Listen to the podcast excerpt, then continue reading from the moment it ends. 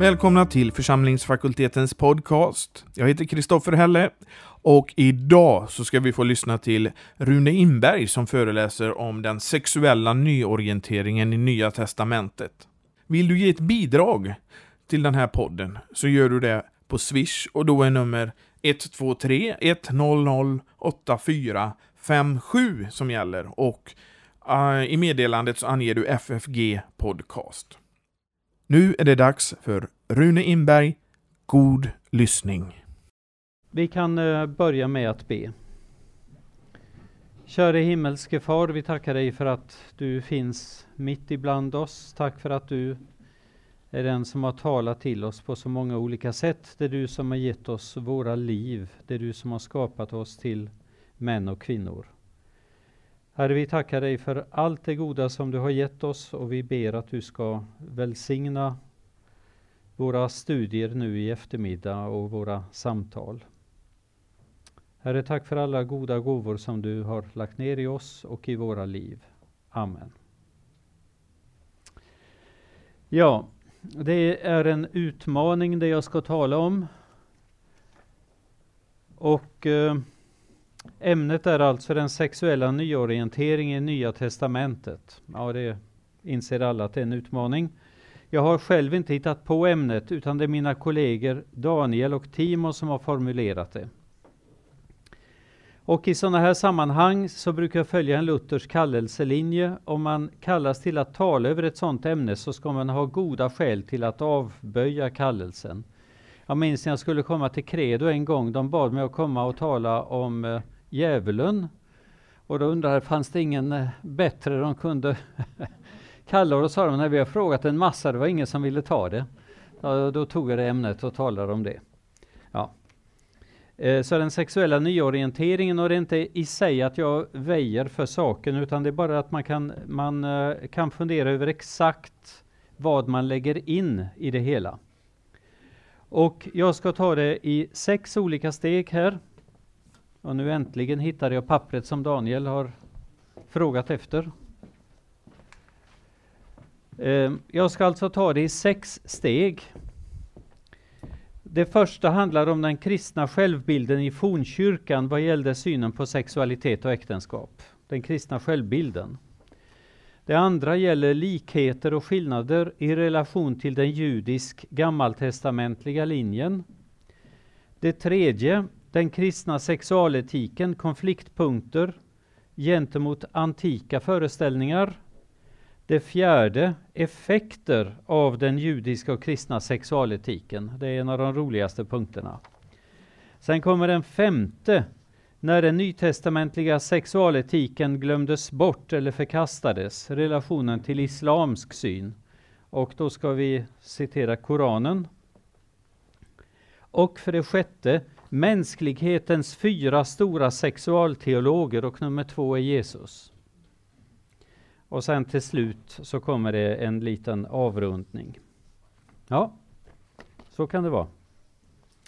Den kristna självbilden i fornkyrkan vad gällde synen på sexualitet och äktenskap.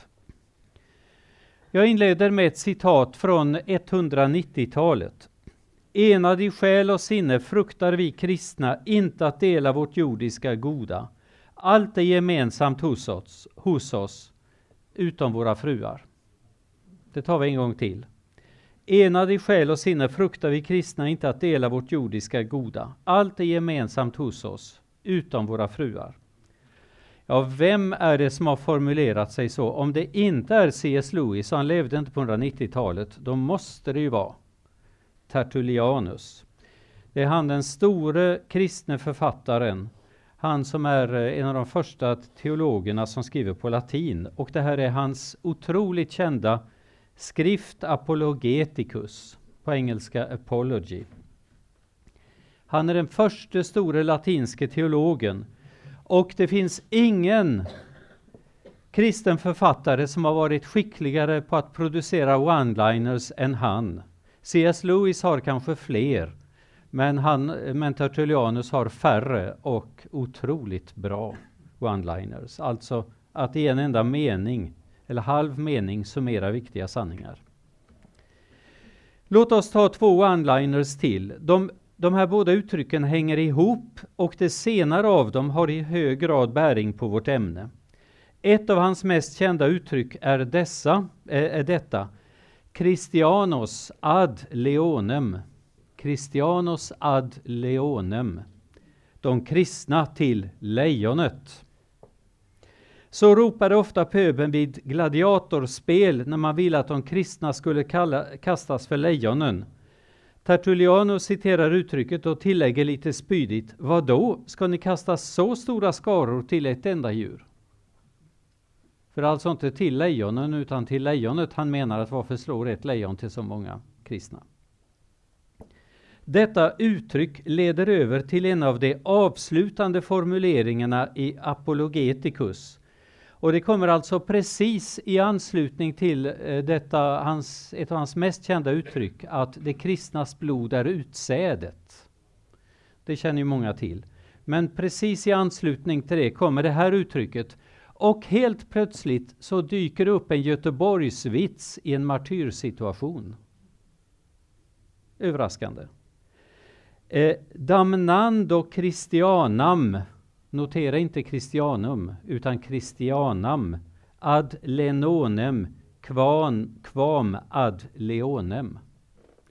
Så han anspelar på orden lenonem och leonem.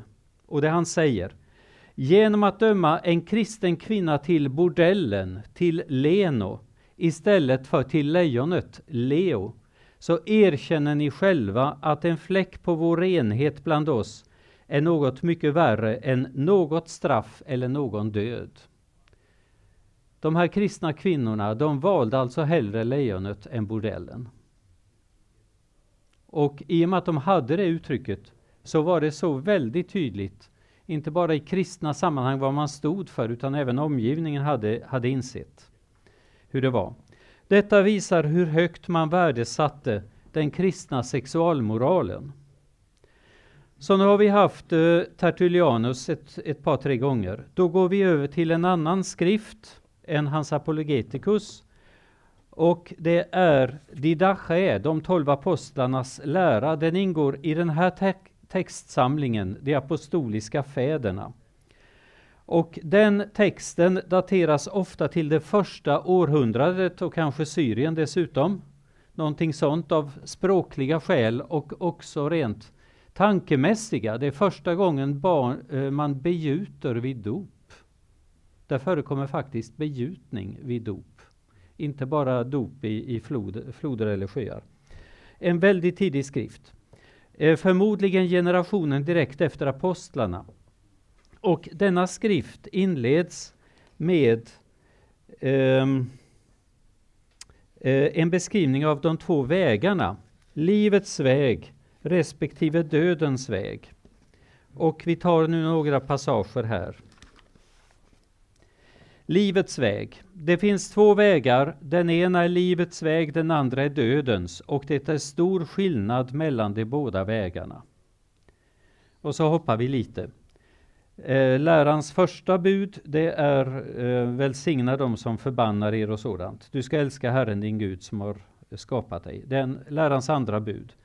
Du skall inte dräpa, du skall inte bryta ett äktenskap, du skall inte skända pojkar. Du skall inte begå otukt, du skall inte stjäla, du skall inte öva trolldom, du skall inte blanda gift. Du skall inte döda ett barn genom vare sig abort eller barnamord. Så alltså varken abort eller att man slår ihjäl eller sätter ut nyfödda barn. Det var ju vanligt i romarriket att man satte ut barn på kvällen och sen på morgonen så hade det passerat något djur och tagit hand om barnet. Och i eh, kapitel 3. Mitt barn, låt dig inte gripas av begär, ty begäret leder till otukt. För inte oanständigt tal. Det låter som Efesierbrevet 5. Och kastna inga lyssna blickar, ty allt detta föder äktenskapsbrott. Mitt barn, sök inte fågelorakel, ty det leder till avgudadyrkan.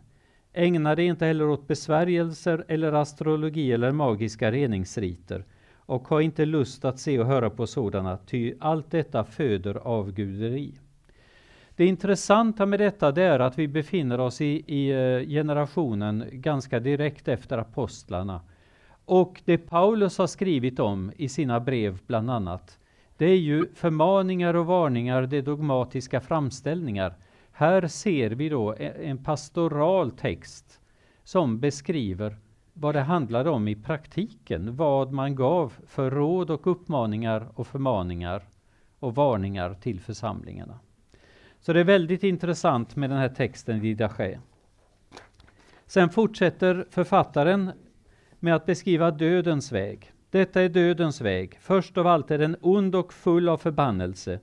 Mord, äktenskapsbrott, begär, otukt, stölder, avgudadyrkan, trolldom, giftblandning, utsugning, falskt vittnesbörd, hyckleri, obeslutsamhet, svek, övermod, ondska, självrådighet, själviskhet, oanständigt tal, avund, förmätenhet, högfärd och skryt. Ja, en ganska traditionell framställning. Men det som sen följer, eh, det känner vi inte lika starkt igen ifrån Bibeln. Det står så här, det, om de här människorna som gör, går på dödens väg. Det är barnamördare, det förgör Guds skapelse. Det vänder sig från den behövande, lägger bördor på den förtryckte, är talesmän för de rika, dömer laglöst de fattiga, syndar i allt. Jag tycker det är väldigt upp, uppfräschande, uppfriskande, när man, då, när man då är van vid de bibliska formuleringarna, och man har läst Paulus till exempel väldigt ofta, att se, jaha, det var så här man formulerade sig i praktiken i, i de följande generationerna.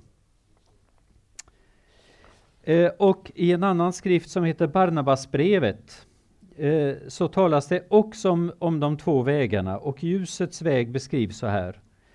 Du skall inte begå otukt, inte äktenskapsbrott, inte vara gosseskändare. Tag inte något fosters liv, döda inte heller någon nyfödd. Och sen en formulering som man verkligen kan grubbla över. Var ren så långt du förmår för din själs skull. Jag tycker det är väldigt intressant att, att fundera över vad som menas med detta.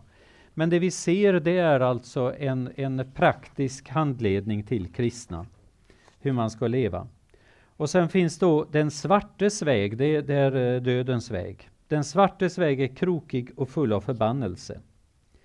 Där räknas det upp avgudadyrkan, fräckhet, maktförhävelse, hyckleri, dubbelspel, otukt, mord, rov, övermod, överträdelse, svek, ondska, självrådighet, giftblanderi.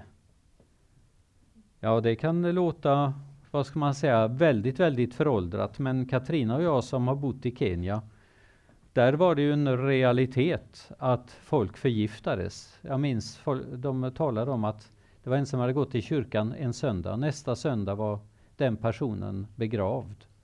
Och då trodde man att det var gift via en Coca-Cola-flaska. Att man hade smetat gift på, på flaskan där uppe. Och sen när personen halsade så fick han i sig giftet. Så vi ska inte tro att hela världen ser ut som Sverige. Utan det är väldigt tydligt att det finns många saker. Och trolldom, bara på ett enda år i den stammen där vi bodde i Kenya så brände man inne 80 häxor. Man brände ihjäl 80 personer, alltså mordbrand på 80 personer i en stam med en eller två miljoner människor. Så man stängde till dörrarna och tände på hyddan. Trolldom, girighet, brist på gudsfruktan. Och sen står det längre fram att de är barnamördare och förstör Guds avbild.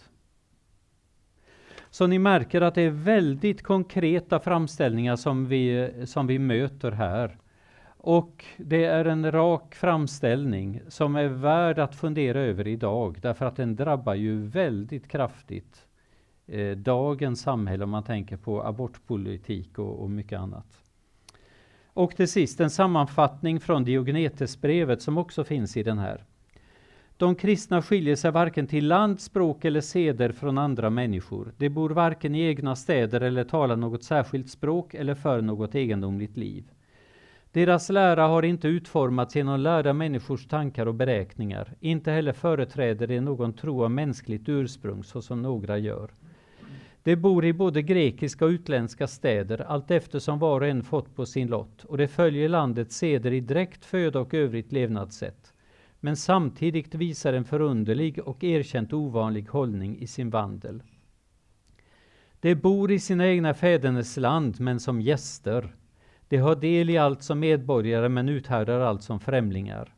Varje främmande land kan bli deras fädernes land och varje fädernes land är ett främmande land för dem. De gifter sig som alla andra och föder barn, men de sätter inte ut sin avkomma. Deras bord är öppet för alla, men inte deras bädd. Då är vi tillbaka till Tertullianus. Det finns till i köttet, men lever inte efter köttet. Och sen beskrivs det hur man förföljs och så vidare. Och där står det, av judarna bekämpas de som främlingar och av grekerna förföljs de. Och de som hatar dem kan inte ange någon orsak till fiendskapen. Så det vi ser här, det är alltså en praktisk beskrivning av den kristna livsstilen, eh, som de kristna själva framställde den och väldigt många av deras motståndare kunde hålla med om det.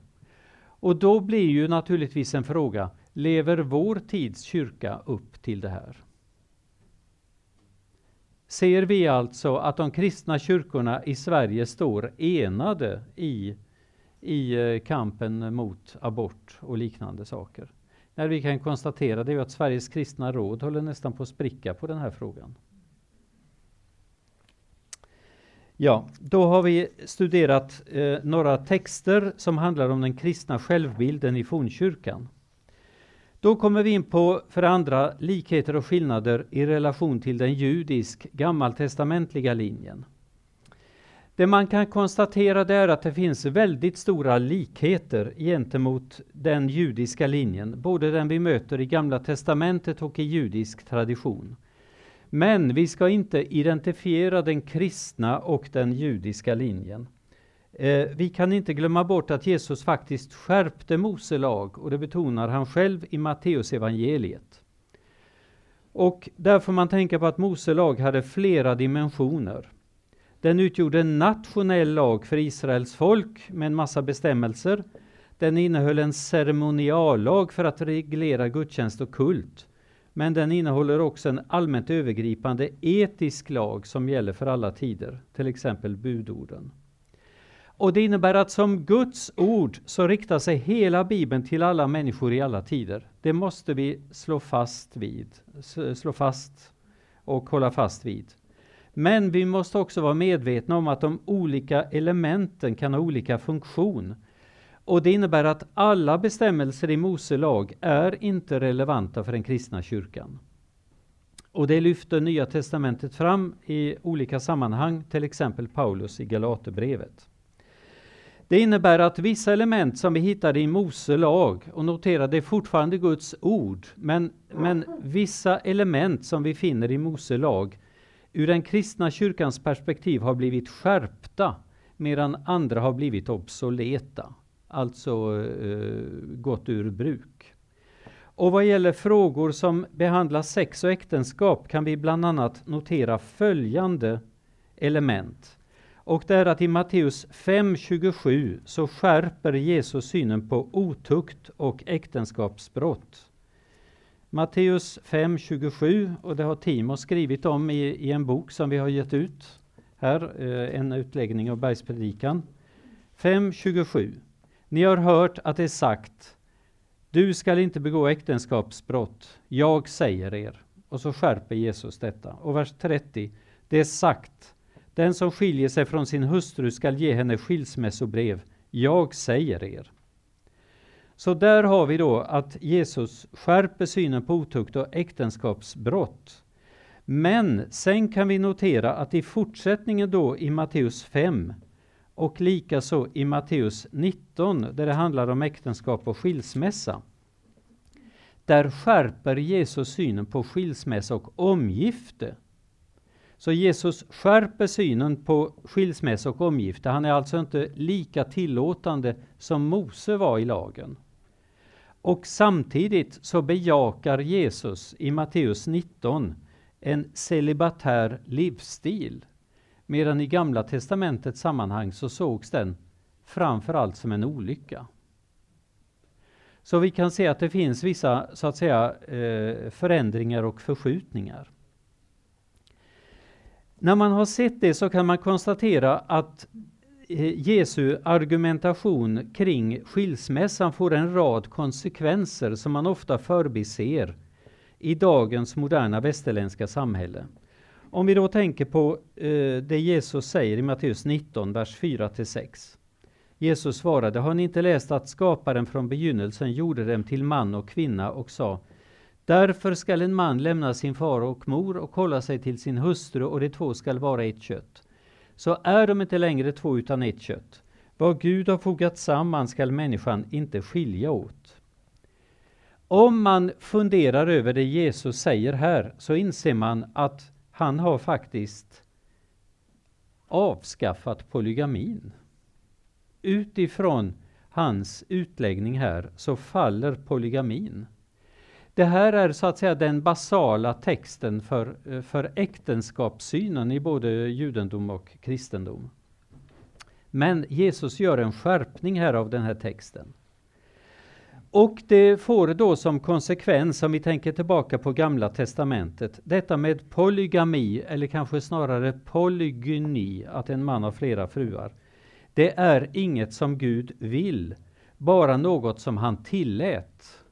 På ett liknande sätt som Gud tillät skilsmässa eh, genom Mose lag. Och vi återkommer till det hela för att här handlar det ju då om de så att säga principiella frågorna hur man ska hantera det här i praktiken. Det är i hög grad något som, som eh, berör själavården. Vad, vad man ska dra för konsekvenser av det hela, hur man ska hantera det praktiskt. Men här diskuterar vi då eh, den, den principiella framställningen. Så eh, Jesus eh, skärper alltså, han, han preciserar detta som står i Första Mosebok kapitel 2, vers 22 till 25. Och Herren Gud formade en kvinna av revbenet, alltså Isha, en kvinna av revbenet som han hade tagit av mannen, och där står det väl Ish då, och förde henne fram till honom. Nej, står det Adam eller Ish? Formar de mannen. Där står det Adam, men sen i nästa vers kommer det, kommer det Ish och Ishado. Mannen sade, denna är nu ben av mina ben och kött av mitt kött. Hon skall heta kvinna, alltså Isha, ty av man, Ish, har hon tagits. Därför skall en man lämna sin far och sin mor och hålla sig till sin hustru, och det skall bli ett kött. Och mannen och hans hustru var båda nakna utan att blygas för varandra. Så eh, det Jesus eh, gör här, det är, att, han, att han skärper och liksom preciserar det hela in i den kristna, kristna eh, församlingen. Det innebär då att femte Mosebok kapitel 24 får, Eh, får en eh, bieffekt av, av det, blir en bieffekt av detta, tolkningen där. Om en man gifter sig med en kvinna och han sedan inte vill veta av henne därför att han har kommit på henne med något oanständigt och han skriver ett skilsmässobrev åt henne och ger henne det i handen och skickar bort henne från sitt hus. Och hon lämnar hans hus och går och blir en annans hustru och även denne andre man fattar hat till henne och skriver skilsmässobrev åt henne och ger henne det i handen och skickar bort henne från sitt hus. Eller om denna andre man som har tagit henne till sin hustru dör då får inte hennes förste man som skickar iväg henne på nytt ta henne till sin hustru sedan hon blivit orenad. Så enligt den judiska lagen var det alltså förbjudet för en, en kvinna som varit gift med en man och sedan varit tagit ut skilsmässa, varit gift med en annan, att återvända till den första mannen. Ur ett kristet perspektiv, med, med den kristna äktenskapssyn, äktenskapstolkningen, så innebär det att, att vi skulle säga att det här stället är, är obsolet. Rent pastoralt så kan man hamna in, i den situationen att kvinnan som är gift med den andra mannen funderar över hur hon ska fortsätta att leva och då får man hantera det i, i, i pastoralvården. Men om det andra äktenskapet skulle krascha, då är snarast det kristna idealet att hon återvänder till den första mannen. Medan enligt judisk lag, enligt eh, Mose lag, så var det förbjudet. Så ni inser, ni inser att vi, vi kan inte bara sätta ett likhetstecken mellan det vi finner i Gamla Testamentet och det som sägs i Nya Testamentet. Allt är Guds ord. Men genom eh, de här eh, skärpningarna och genom att det sätts in i ett kristet sammanhang och det inte finns den här nationella, det nationella perspektivet som i Mose lag, så är det inte identiskt. Och ett annat ställe som vi verkligen kan säga är obsolet, det är femte Mosebok 21, alltså det som kommer precis innan. Femte Mosebok 21, vers 10 till 14. Där handlar det om äktenskap med en fången kvinna, alltså mot en som har blivit eh, eh, en slavinna, eh, som har blivit tagen i krig. Och när, eh, när en man då eh, som har blivit så att säga ägare till henne vill gifta sig med henne, då regleras här hur han ska gå tillväga. Denna lag den kan ju, den kan ju förefalla eh, fruktansvärd för oss. Jag skulle säga tvärtom. Den är ett uttryck för hur Gud har arbetat civilisationsmässigt, steg för steg. Därför att den, den löser någonting som är ett stort problem det är ett problem i den muslimska världen och det ska vi återkomma till. Och om ni tänker er vad som händer i Kongo med alla dessa stackars kvinnor som blir överfallna av soldater och så vidare. Det, finns, det här har varit ett problem i en mängd olika länder och kulturer. Och det Gud gör här genom Mose, det är att han reglerar det hela. Det är inte förbjudet att ingå en sån här relation. Men den är väldigt strikt reglerad. Så problemet är väldigt ofta att vi resonerar som om hela Bibeln hade ramlat på oss. Ja, den skrevs ungefär på 1800-talet eller möjligen 1917 när vi fick den översättningen. I själva verket så, så Bibeln har ett, ett, en spännvidd över flera tusen år och den vänder sig till en rad kulturer. Så om det är något som inte passar oss så ska vi inte tro att det är fel på Bibeln. Det är nog snarast att vi inte har begripit den kulturella problematiken. Men det vi kan konstatera att bortsett från några sådana här detaljer så kan vi säga att likheterna är mycket stora mellan den nytestamentliga etiken och Mose lag. Inget sexuellt samliv före äktenskapet, alltså otukt. Inget sex utanför äktenskapet, äktenskapsbrott. Inga homosexuella eh, relationer, inga aborter och många andra sådana där saker. Så det är väldigt stora likheter och så är det några detaljer som är, är annorlunda. Då kommer vi till den tredje punkten, den kristna sexualetiken, konfliktpunkter gentemot antika föreställningar. När vi har kommit så här långt kan vi konstatera att uppenbarligen har funnits en rad konfliktpunkter mellan den kristna sexualetiken och vad som ansågs tillåtet, möjligt eller till och med lämpligt i det antika samhället. Bland annat var följande företeelser som var vanliga i den hellenistiska, grekiska eller romerska kulturen uteslutna i kristna sammanhang. Och nu kommer vi in på saker som har att göra med flera av de här föreläsningarna som vi har lyssnat på tidigare under det här eh, veckoslutet.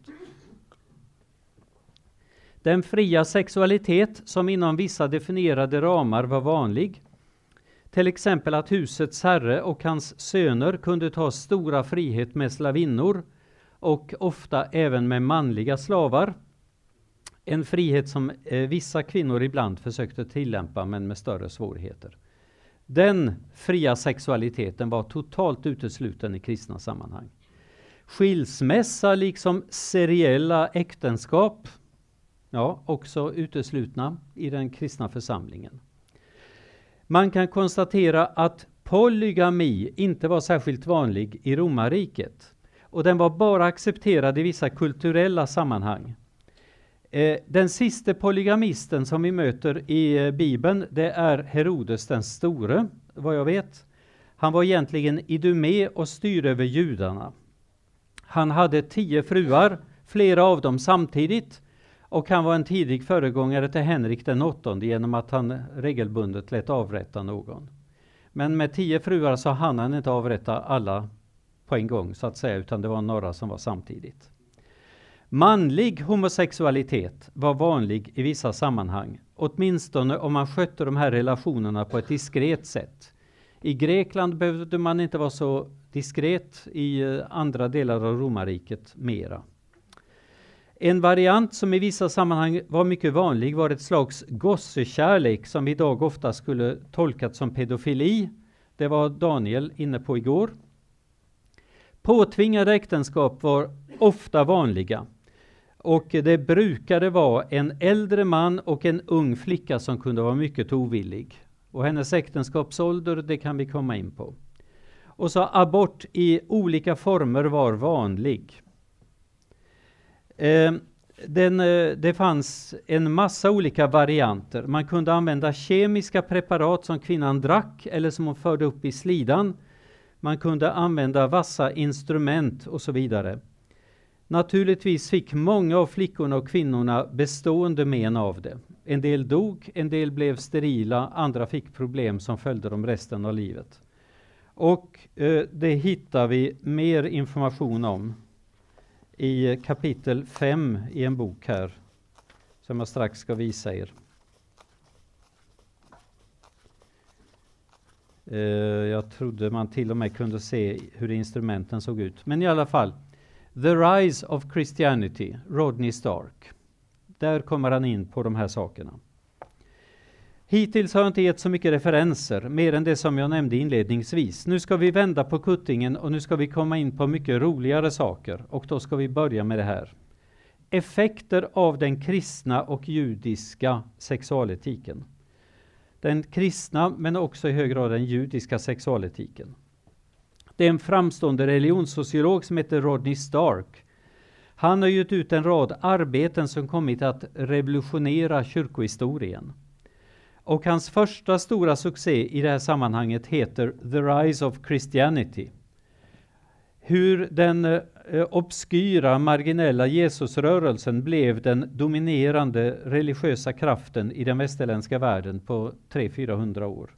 Rodney Stark, The Rise of Christianity. Den är väl tryckt i 50 eller 100 upplagan eller någonting sånt där. Så det är bara att leta efter den på internet så kan man köpa den. Eh, kapitel 5 i den här boken heter The Role of Women in the Christian Growth. Så det han är intresserad av det är den kristna församlingsexpansionen. Eh, nu kommer det sig att antalet kristna växte, att församlingarna växte. Att man på 300 år, drygt 300 år, mer eller mindre tog över eh, eh, romarriket, åtminstone på det ideologiska planet. När man läser igenom kapitel 5 i den här boken så inser man flera saker. Det vimlade av kvinnor i fornkyrkan. Det är egentligen ett väldigt sensationellt påstående, för i en rad kulturer så vimlar det inte av kvinnor. Det vimlar inte av kvinnor i Kina och Indien idag på grund av aborter och annat. Så där har man alltså eh, 115 män mot 100 kvinnor eller 120 ibland. Och så kunde det också vara i romarriket. Man, eh, när man letar igenom 600 gravinskrifter så hittade man bara några enstaka familjer med tre barn, äh, tre flickor. Så man kunde ha fler söner, men antalet flickor det var begränsat. Så tre var nästan maximum. Och då var det att man satte ut resten. Så det vimlade av kvinnor i fornkyrkan, i de hedniska kulturerna dominerade männen, i den kristna kyrkan ganska snart kvinnorna. De kristna och judiska subgrupperna var i princip de enda som ökade sin andel av befolkningen i romarriket, medan romarriket i stort led av sjunkande födelsetal. Likaså de kristna kvinnorna, liksom judinnorna, hade bättre sexuell hälsa och högre fertilitet än kvinnor i stort i romarriket till och med högre fertilitet. Hur kommer det sig? Just Stark visar bland annat att kristna par levde i stabila äktenskap. Och om bara ena parten var kristen så var ju den personen väldigt stabil i alla fall. Den kristna etiken innehöll ett unikt element och det var det som Daniel profeterade om igår att jag skulle säga. Han har uppenbarligen lyssnat på mig fler gånger. Och det var att man ställde samma etiska krav på männen som på kvinnorna. Det återkommer vi till. Samma etiska krav på männen som på kvinnorna. Sedan, det rådde ett totalt förbud för abort, vilket bland annat fick följande... Eh, ja, förlåt. Det, det hoppar vi över en, ett ögonblick. Eh, man hade också högre äktenskapsålder. I grekisk-romerska sammanhang kunde flickor giftas bort när de bara var 9-10 år. Och det sexuella samlivet kunde påbörjas till och med innan flickan fått sin första mens. Och eh, det får då en rad effekter. Det får en rad medicinska effekter och det kan bli liksom väldigt skadligt för, för kvinnans utveckling i stort. Och om hon sen dessutom blir eh, gravid ganska omgående, om hon får, får ägglossning och eh, blir gravid och får barn, så kan det skapa en deformering som hon sen får lida av resten av livet. Så här finns det många knepiga element. I kristna sammanhang så var flickorna markant äldre när de gifte sig, sällan under 12 år. Och ni kan notera att den heliga Birgitta var 12 år när hon gifte sig. Och sen kan ju folk vara mer eller mindre mogna fysiskt och psykologiskt och sådär, men det är alltså svårt att hitta kristna eh, flickor som har gift sig före 12-årsåldern. Om ni då tänker er de som gifte sig när de är åtta, så, så kan man eh, nästan få obehagskänslor av att fundera över vad det innebär. Abortförbudet och den högre giftasåldern fick bland annat följande effekter. Och det kommer Stark in då på. Och nu handlar det naturligtvis inte om individen, man kan inte säga den och den, men om man talar om populationer, då, då blir det så här att de kristna kvinnorna hade bättre hälsa, de hade bättre sexuell hälsa och färre, färre eh, gynekologiska skador och allting sånt. De hade högre fertilitet. Och notera att kyrkofadern Origenes var äldst av sju syskon, möjligen var de sju bröder. Och kyrkofadern Basileus den store äldst av tio, och i båda fallen handlade det om helsyskon, alltså inte blandade familjer. Och man fick längre livslängd. Tala om en win-win situation i det här sammanhanget. Nästa ark analyserar kyrkans tillväxt, vilket innebär att den på 300 år blev den starkaste kraften i hela romarriket, menar han att tillväxten dels berodde på att människor blev kristna, alltså konverterade, dels på en naturlig folkökning inom kyrkan. Dessutom var kristna kvinnor så attraktiva på äktenskapsmarknaden att många hedniska män lät döpa sig för att kunna ingå äktenskap med dem. Det är det som man kallar för exogama äktenskap eller secondary conversion. För att få gifta sig för de kristna tjejernas fäder så blev, eh, så blev eh, brudgummorna tvungna att konvertera och sen leva som kristna. Den, denna kristna synen på äktenskap och sexualitet kom att för, förändra romarriket radikalt. Och det innebär att i botten så, så har denna äktenskapssyn varit en av de starkaste driv, drivkrafterna i skapandet av det västerländska samhället långt fram i tiden.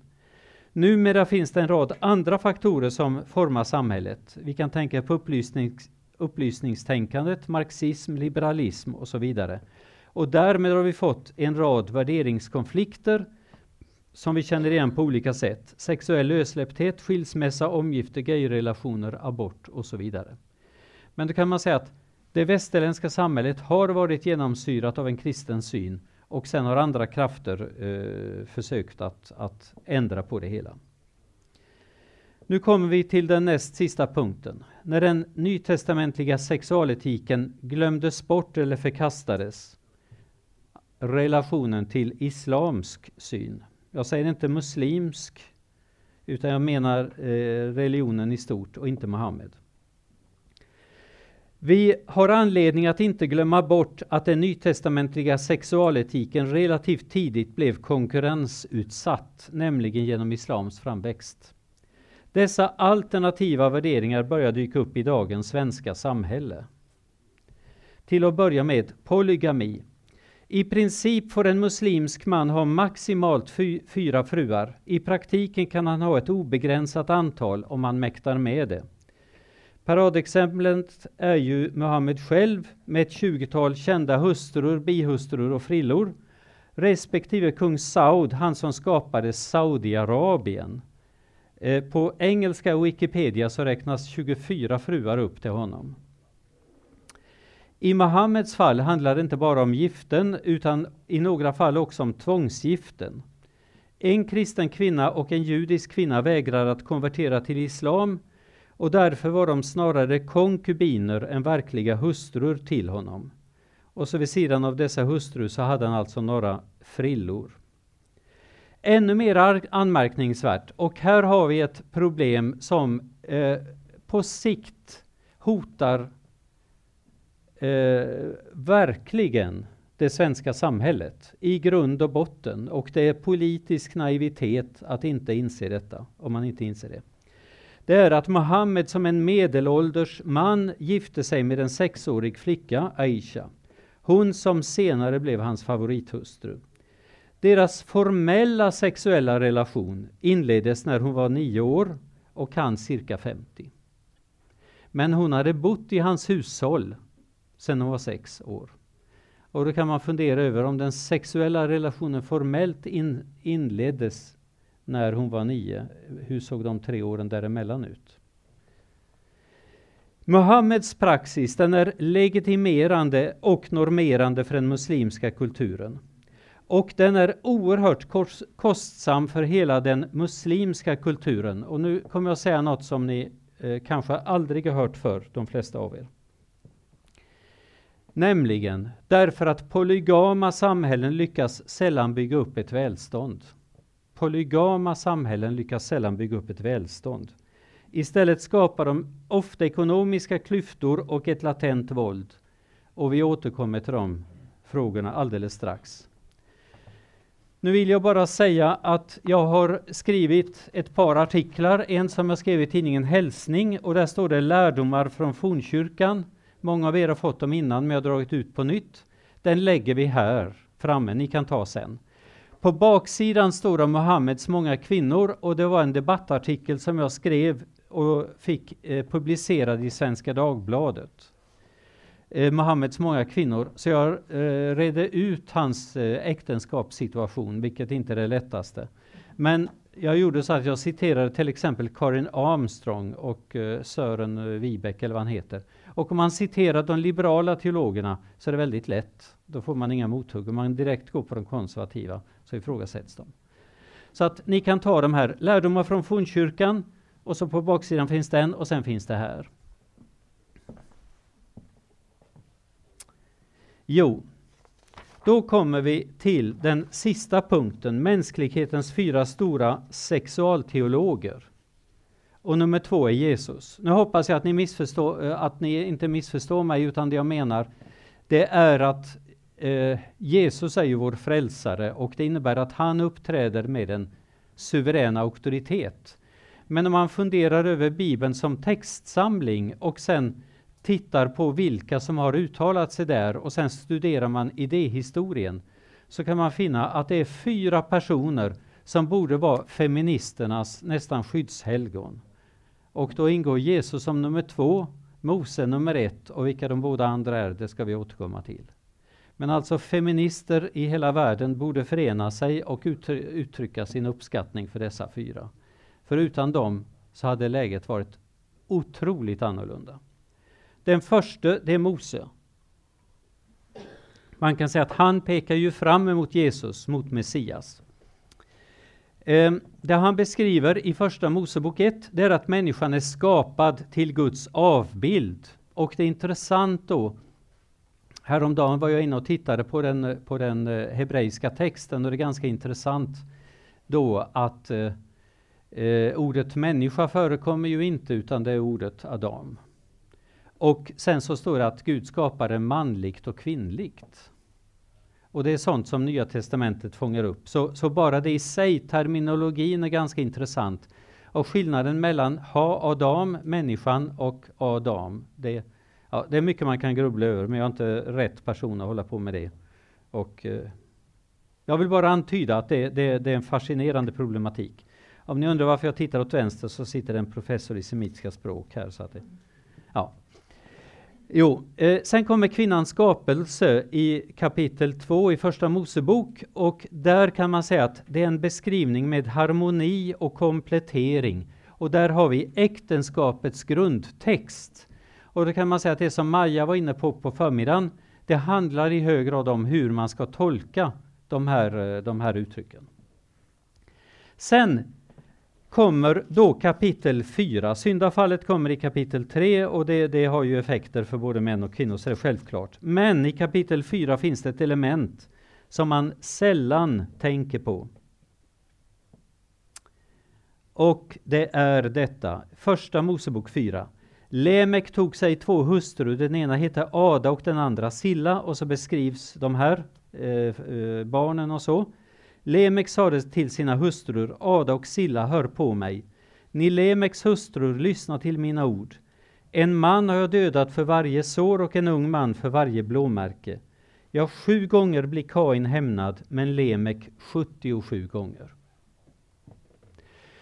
Nu är det så att jag har levt i Kenya i många år. Jag är född i Zimbabwe, jag är uppvuxen som tonåring i Kenya och jag har arbetat som missionär i Kenya. Och en sak som jag har lärt mig otroligt starkt vid mitt möte med den kenyanska kulturen, det är lyssna på antydningarna. Vi är så vana vid att om något är viktigt så står folk och basunerar ut i, eh, liksom i en megafon saker och ting. I Afrika är det ofta tvärtom. Att man nästan säger, sänker rösten och så säger man det man vill säga. Och de som lyssnar begriper, det här var det viktigaste av allt. Och det jag tycker är så fascinerande med den här texten, det är att den beskriver två saker som vi väldigt sällan pratar om. Det ena är att här beskrivs polygamins inträde i världen. Och den har ju inte några särskilt positiva konnotationer. Och vi ser också det mänskliga övervåldet. Det Mose antyder redan i kapitel 4 det är att polygamin har en våldsaspekt. Och det kan man fundera över. Polygami leder ofta till våld. Och så gäller det med sexualitet i allmänhet, inte minst manlig sexualitet. Om den inte behärskas av individen så leder den väldigt of, får väldigt ofta destruktiva effekter. David och Batseba är ju ett paradexempel på detta med sex och våld. Det som sen sker i Moseböckerna det är ju att polygama relationer regleras. Och det är ju många som retar sig över det. Men det var ju att, att Gud så att säga tog folk som de var och, och eh, så att säga eh, gav en reglering eh, utefter den faktiska problematiken. Så Jesus beskriver vad som egentligen var Guds vilja. Men Gamla testamentet reglerar polygamin som institution. Och det vi kan se det är att nästan varenda gång som det dyker upp två kvinnor som är hustrur till samma, till samma man så har vi en konflikt. Notera att Abraham han fick ett stort elände i sitt liv därför att han gav efter för, för uh, faktiskt uh, Saras förslag att lösa problematiken, att han skulle ta en bihustru. Och Jakob han hade ju ett elände under stora delar av sitt liv. Isak och Rebecka däremot lyfts fram som ett ideal. Men deras problem det var bristande kommunikation. Det skapade ett av de stora problemen i deras liv. Och Davids sexuella aptit, den ledde fram till många olika saker. Den ledde fram till konflikter mellan bröderna, den ledde fram till ett incestuöst övergrepp och till Salomos totala moraliska genomklappning på grund av alla hans fruar. Att så vind och skörda storm, det är ofta en beskrivning av polygami. Så man kan säga att Mose, han, han beskriver hur det var tänkt, hur det skulle vara, men han antyder också eh, vad som kunde gå snett och vi ska dra lärdom av det. Så kommer Jesus som är den store uttolkaren. Det är han som lyfter fram vad som egentligen var Guds vilja. Och i det här sammanhanget då med äktenskapet. Han skärper Mose lag, Han ger oss bergspredikan, han talar om detta med begär och skilsmässa. Han visar fram att äktenskapet eh, i princip då är oupplösligt. Och samtidigt så visar han genom sin bibelutläggning att polygama relationer strider mot Guds vilja. Det innebär att i, den, i eh, fornkyrkan så ser vi nästan inga, ingen argumentation mot polygami. Den var så totalt utesluten. Så den var knappt ett problem. Fastän judarna har haft det problemet. Vet ni när, när de eh, sista polygama judarna levde? Ja, de har kanske inte dött än. Därför att de som levde i Iran och Jemen när de kom till Israel på 50-60-talet, en del av dem var polygama. Så Israel har en monogam lagstiftning, men man har fått ta en speciallagstiftning för de som kom från, från de muslimska områdena som immigranter talar man sällan om. Sen, Paulus, han pekar tillbaka till Jesus. I första Korintierbrevet 6 så beskriver han kroppen som ett Guds tempel. Han lyfter fram sexualitetens betydelse. Och i första Korintierbrevet 7, men också på andra ställen, så beskriver han relationen man-kvinna. Och jag skulle säga att det vi möter i första Korintierbrevet 7, vers 3 och 4, det är det starkaste som har sagts i mänskliga sammanhang vad gäller äktenskap. Det går inte att hitta ett kraftigare uttryck än det. Vad man än studerar för kulturer. Vers 3. Mannen skall ge sin hustru vad han är skyldig henne och på samma sätt hustrun sin man. Vers 4a. Det kan män i de allra flesta kulturer i de flesta tider hålla med om. Hustrun bestämmer inte över sin kropp, det gör mannen. Men, sen fortsätter Paulus. Och det är 4b. Det är det som är så unikt för kristendomen. På samma sätt bestämmer inte mannen över sin kropp, det gör hustrun. Så där rök det som många vill anklaga kristendomen för, nämligen patriarkalism. Det är alltså ett väldigt drastiskt påstående. Och det som eh, jag redan har tangerat en gång, eh, det är detta med att samma krav ställs på män som på kvinnor. Det är unikt för den kristna sexualetiken. Jag har aldrig stött på det i något annat sammanhang. Sen kan vi se att Paulus i sitt tänkande förutsätter monogami. Vi kan se det i första Korintierbrevet 7, det var det kapitlet vi var inne på. Efesierbrevet 5, det var det Maja var inne på. Första Timoteusbrevet 3, vers 2, det är att en församlingsföreståndare ska vara en kvinnas man och så vidare. Så det Paulus gör är att han kopplar ihop eklesiologi, eh, kyrkosyn alltså, kristologi, läran om Kristus och äktenskapsteologi på ett fantastiskt sätt. Han helt enkelt förenar det som Jesus har sagt, Jesu eget liv och det som vi finner i Gamla Testamentet och så gör han liksom en syntes av det. Sen, Paulus lyfter fram celibatet som en god livsväg. Så på det sättet kan vi säga att Paulus är singlarnas vän, för han ger en god teologi för celibat och singelliv. Men Paulus är också änkornas vän, därför att i många kulturer har det varit absolut nödvändigt för en änka att gifta om sig. Och en förklaring till att det finns så mycket aids i Kenya, i vissa stammar, det är att där, där är änkorna skyldiga att gifta om sig med sin svåger. Så en eh, oss närstående stam och eh, biskop Roland har ju arbetat i samma område som jag. Där var det en, en präst som klagade över att hans blinda 80-åriga mor skulle gifta sig med någon svåger. Som redan var gift. Ja, leviratsäktenskap. Så Paulus då, han, han, med, han driver detta med att om man upptänds av begär, ta och gift om dig. Men annars så lever du ett gott liv som eh, änka eller änkling. Så Paulus är singlarnas vän och änkornas vän och han är också de giftas vän som vi konstaterade i eh, första Korinthierbrevet 7, vers 4. Sen kan vi också säga att fornkyrkan lyckades inte leva upp till Paulus ideal. Därför att man blev väldigt skeptisk till omgifte, vilket jag är lite förvånad över. Så man fick vara gift en gång. Andra gången det var tveksamt om alltså första hustrun dog att mannen gifte om sig. Och tredje gången, om andra hustrun skulle dö och en man gifte sig för tredje gången, ja då var han på väg till bordellen. Det var, det var synen som den utvecklades. Så man lyckades inte hålla fast vid Paulus. Men då kan vi vara glada över att det fanns en som var återställaren, nämligen Luther. Han bröt med den augustinska linjen och det har jag skrivit om eh, i en uppsats i den här boken, Paulus äktenskapssyn. Han bröt med Augustinus linje och han menade att det sexuella samlivet är gott i sig.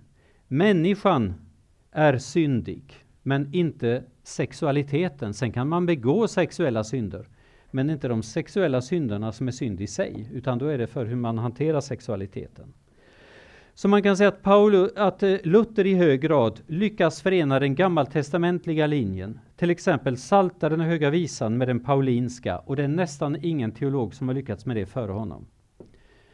Nu ska vi då, ska jag då innan jag slutar, bara nämna att ni ska få en tredje uppsättning papper. Och det här är väldigt skakande texter, för det visar utifrån Koranen att detta med sexslavar inom islam är en mycket tydlig realitet. Eh, och den, den, har alltså, den har alltså sitt stöd i Koranen. Eh, profet, vi tillåter dig förvisso att ha dina hustrur, dem du har givit deras lön, de slavinnor över vilka du råder bland det byte Gud har skänkt dig. Och eh, på andra ställen, härefter är det ej tillåtet för dig, alltså Muhammed, att äkta andra kvinnor. Sen när, när han hade 18-20 stycken, då fick han inte ta fler. Och ej heller ta andra hustrur istället, det vill säga han fick inte byta ut de gamla. Så han fick inte ta fler, han fick inte byta ut dem. Även om deras skönhet skulle behaga dig, utan blott de slavinnor över vilka du råder. Så detta med, med eh, vad ska man säga, slaveriets plats, och nu är vi inne på det som professor Nordling var inne på förra, förra i, igår. Slaveriet, det är på något sätt eh, accepterat inom islam. Inte exakt på det sättet som det har sett ut i västvärlden, men slaveriet är accepterat av islam. Och en man som har slavinnor förfogar över dem, i princip nästan alltid, om de råkar vara gifta med en annan man eller två män tillsammans äger en slavinna, hon är gift med någon. Då innebär det inte att han har tillgång till henne, men i princip en vanlig man som erövrar personer som slavar kan förfoga över kvinnorna. Och då kan man säga, då har vi lite problem i Sverige. För hur ska vi hantera det att ett politiskt parti försökte införa polygami? Och att man i andra sammanhang har det här tänkandet. Ja, kära lyssnare, nu går vi mot eh, semestertider, men podden tar inte semester. Det är nytt avsnitt nästa fredag igen. Och FFG har öppnat portarna efter semestern för sommarbibelskola för alla intresserade den 1 till 3 augusti och en kort bibelskola för unga vuxna den 8 till 10 augusti. Och för information och anmälan så är det www.ffg.se som gäller. Vill du ge ett bidrag till den här poddens fortsatta arbete så går det bra att göra det på Swish och då är numret 123 100 8457 och så anger du FFG Podcast som meddelande. Vill du bidra på något annat sätt så gå in på vår hemsida www.ffg.se. Även nästa vecka får vi lyssna på Rune Inberg och då pratar han om Luthers syn på familj och äktenskap.